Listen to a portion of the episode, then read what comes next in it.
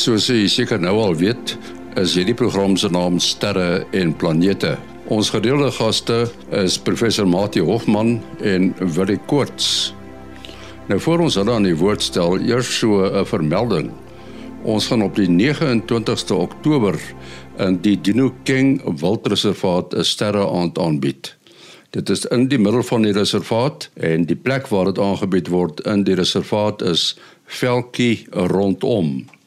As jy besonderhede wil hê, kan jy skakel 0832514614 0832514614 dis Dawie se nommer.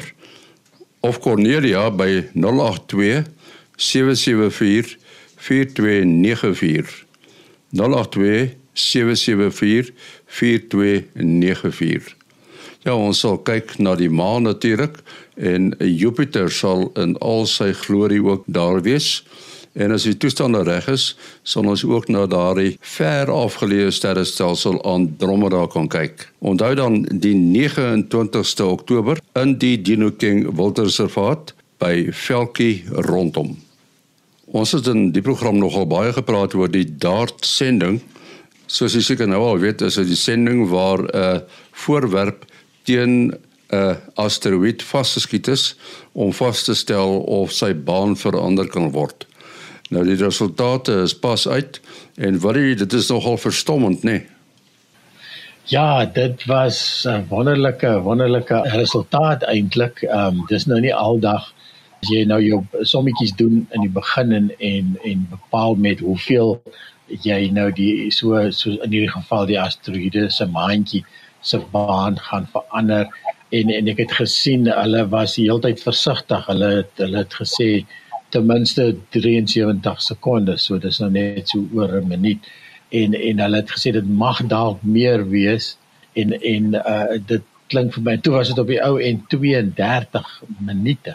So dis 'n ongelooflike resultaat en en um dit was lyk my nog steeds binne binne hulle hulle wiskundige modelle wat voorspel het dat dit gaan die hoeveelheid dit kan moontlik uh een van die scenario's wees en dit gaan natuurlik alles afhang van uh, uh hoe die samestelling van van die asteroïde of nou sy maantjie in hierdie geval uh Didymos en um en, en of Dimorphos uh die maantjie van uh van Didymos. Uh, so dis natuurlik alles nog onbekendes gewees uh voor die botsing plaasgevind het hierdie samestelling van en en hoe uh styf gepak is, hoe hoe hoe um solied is die is is die maandjie.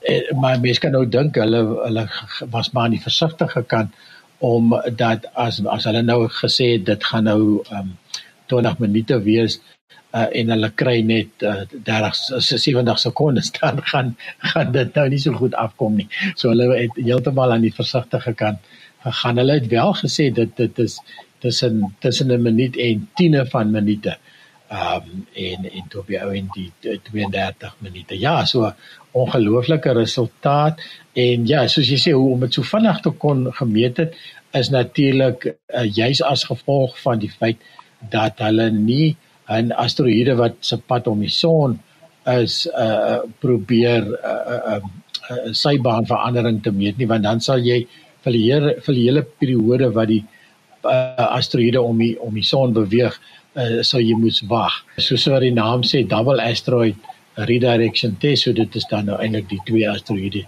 hierdie wat om mekaar beweeg en uh die die grootte van die maantjie is ook juis gekies omdat die uh 160 meter tipe grootte asteroïdes is is eintlik waarvan ons die minste weet hoeveel daar is.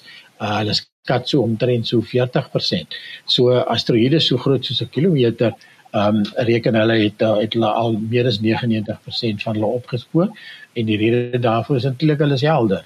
So jy kan hulle baie ver weg sien en jy kan hulle bane bepaal en as hulle bane nie die aarde kruis nie gaan gaan is daar nie moeilikheid nie.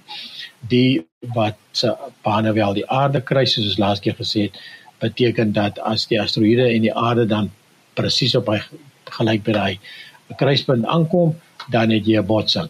So uh die hele toets is dan om te kyk kan ons die uh, asteroïde bietjie vertraag sodat die aarde dan verby die kruispunt beweeg wanneer ons van so iets sou sou weet. Die ander ding is juis hoe vinnig ons die antwoord kon kry want ons kon nou net na die periode van die verandering dan klik in hierdie geval van die periode van die maandjie wat uh, rondom sy sy uh, groter asteroïde roteer kon jy net meet. En uh, so sy sy baan is is 11 ure 55 minute en dit het hulle dan nou met 32 minute plus of min 2 op hierdie stadium is daar nog nie soveel uh uh, uh waarnemings gemeet nie. Ehm um, maar uh, so die onsekerheid is maar nog so 2 minute. En ehm um, dit sal natuurlik nou uh, beter en beter word soos hulle meer observasies doen en dit kan ook uit die hart van die saak verander nog 'n bietjie.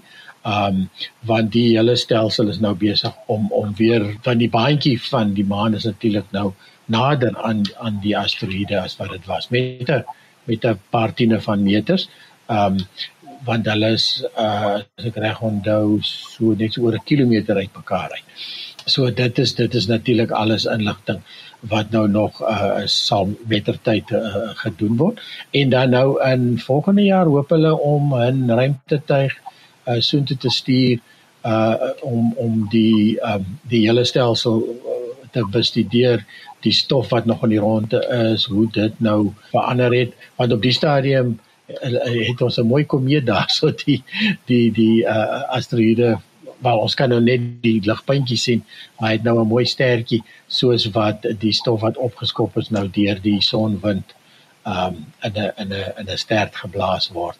Uh, kom ons praat 'n bietjie hier oor terminologie. Ons praat van 'n asteroïde en 'n maan. Maar hierdie klein uh, noem dit nou maar maan, hierdie klein voorwerp is ook eintlik 'n asteroïde. Dis korrek. Ja, ja, so dit is hoekom hulle dan praat van die van die double asteroid. Ja. So ehm um, so die die die grootte uh, uh Didymos is so is rondom 700 meter in in deursnee en dan die maantjie wat rondom hom beweeg is so 160 meter uh met die naam van Dimorphos. Ja, presies. So dit is maar albei min of meer dieselfde samestelling. Uh of ons ons reken so ehm um, um, en ehm um, die bestudering wat nou wat nou gaan natuurlik plaasgevind deur die fotos en so wat afgeneem is uh sal ook 'n bietjie meer lig werp daar. Ja, Nik het ons uh verlede keer gesê uh, dit vat so lank om voorbereidings te tref om hierdie soort van aksie uit te voer. Jy weet dit is amper 'n jaar of so. Uh jy weet die vraag is natuurlik of ons genoeg tyd gaan hê as so 'n ding op pad is dit dit is altyd die groot ding. So ehm um, um, die mense wat die nuusvrystelling gekyk het Dinsdag uh Dinsdag aan by ons het ehm um, so so so gesien het hoe hulle dit keer op keer ehm um, uh daar behamer dat ehm um, as ons in die toekoms erns uh weet dat iets gaan met die aarde gaan bots ehm um, dan uh afhangende van hoeveel tyd ons het uh beteken dit hoeveel hoe suksesvol sal sal so 'n moontlike uh, uh scenario wees om om sy baan te verander. Ja, die ouens kan nou weet die asteroïde se baan voorspel. Maar kyk wat by Chelyabinsk in 2013 gebeur het. Hulle het 'n uh, ander asteroïde dopgehou en toe kry hierdie ene heeltemal onverwags van 'n ander kant af en hulle het geweet van hom nie. Ja, ja, en dit is dit is juist die ding en dit is juist daai was nou nog 'n kleiner kleiner uh uh, uh asteroïde. Ek dink hy was hier in die 30 meter klas of selfs dalk dalk kleiner en en en weer eens soos hulle sê gelukkig is dit um die die goed wat nie soveel skade kan aanrig nie. Um maar hoe kleiner hoe moeiliker om hom te sien hoe nader moet hy wees voor ons eers sy baan kan bepaal. En dan en dan hierdie hierdie hierdie groot hierdie 160 meter klas is dan is dan die ouetjies wat nou redelik skade kan aanrig. Dit kan tot definitief 'n stad uithaal en dit kan ook 'n tipe van 'n provinsie uithaal. En en hulle is uit die hart van die saak 'n bietjie verder uh, sigbaar. En uh, hopelik as jy hom gaan sien en dit is natuurlik die hele idee van uh, Atlas en al hierdie uh, Pan-STARRS al hierdie teleskope wat hierdie goed soek deesdae is dat ons wil die goed sien en hulle bane bepaal. Ehm um, so weer eens soos ek gesê het dit is nie te sê hy gaan uitpyl op die aarde af nie maar uh, jy moet sy baan bepaal om te sien of sy baan die aarde sin kry en of hy dan 'n gevaar inhou. Ja, ja, die ene aan die die asteroïdes moet net weer die Vrystaat het klaar ons beurt gehad met 'n groot uh, groot impak. uh, net so vir vir perspektief, uh dit is nou so die kleiner asteroïdes gaan baie later eers uh, waargeneem word, maar dan is dit nou ook weer uh makliker om hulle te deflekteer want dit gaan oor die behalwe dat jy nou met 'n baie groot relatiewe snelheid uh as jy nou die dart metode uh, wil gebruik in in so asteroïde moet vasvlieg want dan die massa verhouding tussen die satelliet en dan die voorwerp wat jy wil uh, deflekteer is belangrik. In die gev geval van die Morphus was daardie verhouding uh, uh dat die satelliet maar 1 10 miljoenste die massa gehad het uh van uh van die asteroïde. Uh en die relatiewe spoed was so net oor die 6 km per sekonde. En die verandering in die spoed van die asteroïde was enkele millimeters uh, uh wel amper 'n breekdeel van 'n millimeter per sekonde. Dis daarom nou per sekonde nie per uh, per uur nie maar nog steeds was die effek daar groot genoeg Nou as jy nou 'n groter asteroïde het, dan gaan jou massa verhouding baie nadeel uh, teen jou werk, maar as jy dit nou lank genoeg vir die tyd doen, dan kan 'n baie groot 'n baie baie klein effek uh kan dan nou akkumuleer gegee genoeg tyd. Ehm uh, mits jy die defleksie in die regte rigting doen. Uh kan dit nou net alwees wat jy nodig het en dit uh beklemtoon maar net dat dit uh, baie behalwe dat jy nou die asteroïde moet ontdek betyds moet jy dan ook die baan akkuraat genoeg kan bereken dat jy weet of dit enigstens moontlik eh, nodig is om te deflekteer en indien wel ehm uh, moet jy dan nou kan besluit in watter rigting is die is die veiligste. Uh so dit is nou maar 'n 'n moeilike dis baie stappe wat nodig nog nodig is na hierdie demonstrasie uh vir ons regtig enigstens paraat gaan wees vir sulke voorvalle. Nou hopelik het ons daarom nog uh, tyd met weet nooit nie, maar die uh die frekwensie van uh, baie gevaarlike of impakte wat geweldige skade kan veroorsaak is gelukkig uh, klein. Sê nou maar uh, eenmaal in 'n eeu of minder. Ja, eintlik is, is rigting nie regtig hier uh, is 'n rol nie. Dit is dit is juis om die asteroïde te vertraag sodat hy laat by die kruispunt aankom uh sodat die aarde verby okay. ja. ja ja ja ja. Ja dit maak sin dit maak sin ja. Wat, wat dan wel ter sprake is is uh, dat as jy hom vertraag dan uh moet jy hom nie nou vertraag dat hy dan nou juis op die regte tyd is nie. So jy moet daai berekening van of hy nou wanneer hulle op daai na, naaste punt aan mekaar kom dit moet jy baie akkuraat kan doen. Matie ons het uh, dikwels al gepraat in die program oor die Arecibo reuse radioteleskoop wat daar in Puerto Rico uh opgerig is en toe uiteindelik natuurlik in mekaar gestort het. En toe die Chinese mos nou 'n ander reuse soortgelyke teleskoop gaan bou wat ook 'n radioteleskoop is. Ons praat nou nie van SKA nie want die radioteleskoop die die sogenaamde skottel die die skottel self het nie beweeg nie, sy kop wat beweeg het Eh, maar nou sien ek hulle hulle bou 'n groot radioteleskoop waarvan die skottel beweeg. Ja, daar's eintlik twee uh uh projekte in China. Die een is die uh stasionêre uh fast uh radioteleskoop wat die grootste in die wêreld is met 'n deursnee van 500 meter en uh hy kan nie beweeg nie. Hy sal dan ook die sy detektore sal moet beweeg afhangende van in watter rigting uh jy wil uh, in die radiogolwe kyk. Maar hulle werk nou aan bou nou aan die sogenaamde QTT beweegbare radioteleskoop wat uh dan die as hy voltooi is uh die grootste uh, beweegbare radio teleskoop in die wêreld sal wees met 'n deursnee van 110 meter. Nou dit maak dit 10% groter as die uh Green Banks uh teleskoop met 'n deursnee van uh 100 uh, meter. So dit is net 10% groter, maar mens kan jy nou voorstel daardie laaste 10 meter met 'n deursnee van 100 meter. Dis 'n redelike oppervlak wat wat dan bykom. Uh so dit is nou uh, groot projekte wat 'n wesenlike invloed sal hê op die radiosterkvinde. Net so, so terloops, uh die Greenbank fasiliteit uh, so oud soos as soos wat ek is. So die mense kan oor self raai. My kom van taamlik lank gelede. uh uh ja, kon sê nou maar so net na die ruimte EU begin het, hy's gebou in uh 1958. Nou nie die 100 meter teleskoop self nie, maar die uh die fasiliteit daarso.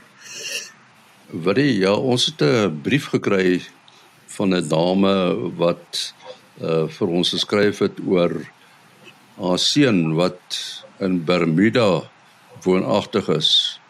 Uh dis Petrus Snyman wat vir ons 'n brief geskryf het en sy het 'n video vir ons gestuur. En so op die eerste oogopslag lyk dit na 'n komeet. Wat is dit eintlik? Ja, dis korrek. En, en op die video uh um gesels hulle mooi en hulle sê kykie komeet en en dit lyk uh dit lyk nou soos wat 'n komeet moet lyk. maar die groot probleem van hierdie uh, uh beweging van hierdie komeet is dit is nie hoe 'n komeet beweeg nie. Ehm um, nou ja, dit is eintlik 'n algemene uh, uh, fout wat mense maak wat uh, ek het baie gehoor die mense het gevra watter aand en hoe laat moet ek kyk uh, wanneer die komeet verbykom. En dan sê ek vir hulle, "O nee, jy kan elke aand nog tot die einde van die maand en dan kan jy sien dat hulle vreeslike frons op hulle voorkop en hulle kan nie glo maar uh, moet ek kom weet nie woep woep daar gaan hy en as hy verby nie. So ja, so in hierdie geval is dit presies wat hier gebeur het. Die mense het gekyk. Daar's nogal baie ligte in die omgewing sien ek al die buiteligte, straatligte is aan. So die, ding is duidelik helder, maar hy beweeg en so uit die aard van die saak is dit nou nie hoe 'n komeet beweeg nie. Ehm um, uh, 'n komeet sit aan vir aan kan jy masjien net so eentjie aangeskyk teen teenoor die agtergrondsterre. So uh, ja, hierdie lyk vir my definitief na 'n uh, ruimtetuig, 'n vierpyl lansering uh wat wat in die omgewing moes gebeur het. Ek ken ook glad nie die omgewing daarin weet uh wat in daai omgewing uh, kon gelanseer gewees het waar die video geneem is nie, maar dit is duidelik die lansering van van 'n vierpyl. Uh jy kan sien die um die gaste uh wat wat uitgeblaas word. In die begin uh, kan jy sien die engines is nog aan, die vierpyle is nog aan, dit besig om om die die die uh, uh ruimtetuig wat ook al in die lug in te te te te dra en dan na rukkie dan ehm um, dan kan jy sien dat die motore afgeskakel. Ehm um, ek neem aan wanneer 'n tweede stadium sal oorneem of wat ook al. Ja. Ja, so in hierdie geval dit is definitief nie 'n komeet gewees nie, maar uh en dit lyk vir my ek is 90% seker dit was 'n lansering van 'n vuurpyl. Matie, ons het ook 'n brief gekry van Dewald de Tooi. Hy vra 'n interessante vraag. Hy vra wat het van Laika die hond geword? Die ene wat uh die russe opgestuur het. Ja nee, dit is maar 'n bietjie hartseer storie. Uh die van Laika. Laika was 'n uh, 3 jaar oue uh, rondloper hond in Moskou wat uiteindelik toe nou in November 1957 met Sputnik 2 ruimte toe is en uh, Laika was wel as ware held of heldin dan ehm uh, was die eerste lewende wese wat dan nou ehm uh, in 'n in die ruimte ingeskiet is. Nou Laika het nie die sending oorleef nie uh want die uh Sputnik 2 het met 'n hoë spoed teruggekom in die atmosfeer in en kon nie die uh die deur vlieg van die atmosfeer oorleef nie en sou dan uh verbrokkel en uh, opgesmelt het.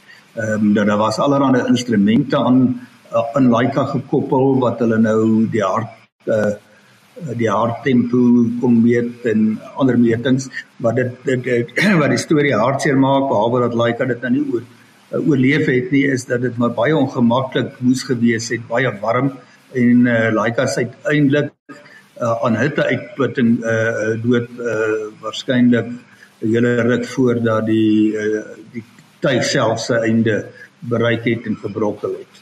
Ehm um, ek dink uh, Willie het ook nogal interessante inligting oor oor Laika.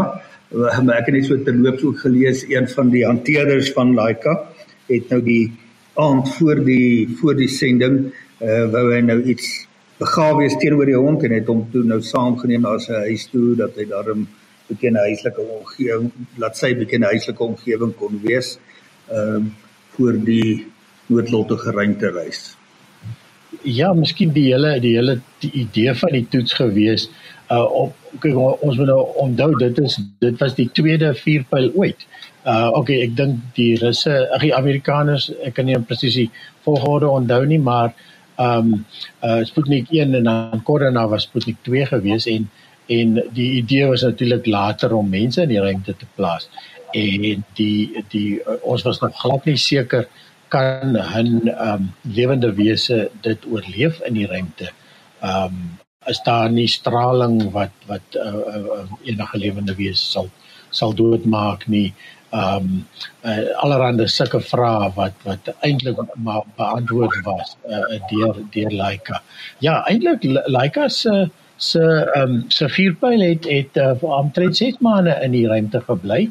Maar soos jy sê dit was uiteindelik 'n uitputting as gevolg van die tweede stadium van die vuurpyl wat nie wat nie geskei het nie. Ehm um, daar daar op daai stadium kon jy nog glad nie ehm um, jy kon nog glad nie vuurpyle terugbring nie. Uh so daai tegnologie was nog glad nie glad nie ontwikkel nie. So uh ja, dis maar 'n maar 'n treurige verhaal van ehm um, maar ongelukkig is is dit of, of die ge, uh, as jy dit nou wil sê geluk daarbey is dat uh, daar's eintlik heel wat inligting ingewin uh ons het geleer uit uit die storie uit ja. Ja, Laika was nie die enigste dier wat ooit opgestuur is nie. Was daar daarna ook diere? Daar's heelwat. Ek, ek het nou nie die lys voor my nie, maar ek weet daar was daar was uh um allerhande later uh um uh ek dink insekte en sulke klas van goeters. So daar is is redelik geëksperimenteer om om sekere om sekere aspekte van ruimtelewe te toets voor voordat hulle uiteindelik mense gestuur het, ja. Ja, ja ek onthou daar was op 'n sekere stadium met die Amerikaners 'n uh, aapie gestuur, is dit nie? Ek dink so ja. Ja, ja, ek het nou net die nou nie die ek verbeel my ook so 'n foto van 'n aapie met 'n met 'n met 'n helm op tipe van ding, ja. Ja. Ja. Dan nog 'n uh, interessante stukkie gegevens met betrekking tot Laika. Uh met die lansering sou Laika 'n uh, krag uh, ekwivalent aan 5G 5 maal uh die uh die effek van gravitasie uh, beleef het. Nou ek is nie seker wat die moderne lanserings se effek op die op die ehm um, ruimte manne en vrouens is nie. Ehm um, is dit maar soortgelyk wil nie? Uh ja, 5G, ek dink dis omtrent wat die wat die pendeltuig uh um, bereik het. Uh so die meeste mense uh um uh, dit is nou net hierdie hierdie toetsvlieëniers wat ek dink tot by 7 7 na 8 gee kan oor wel kan uh, nie um, nie hulle bewussyn verloor nie. Um, so 5G is is daarom is daarom uh, 'n uh, redelike rustige opstyg ja. Ons ry af uh, wil jy jou besonderhede? Ja, selfoonnommer 072 4579208 en 072 4579208 en dan Mati. 0836257154 0836257154 Ons program se e-posadres oudergewoonte sterreplanete@gmail.com sterreplanete@gmail.com Tot volgende week. Alles van die beste.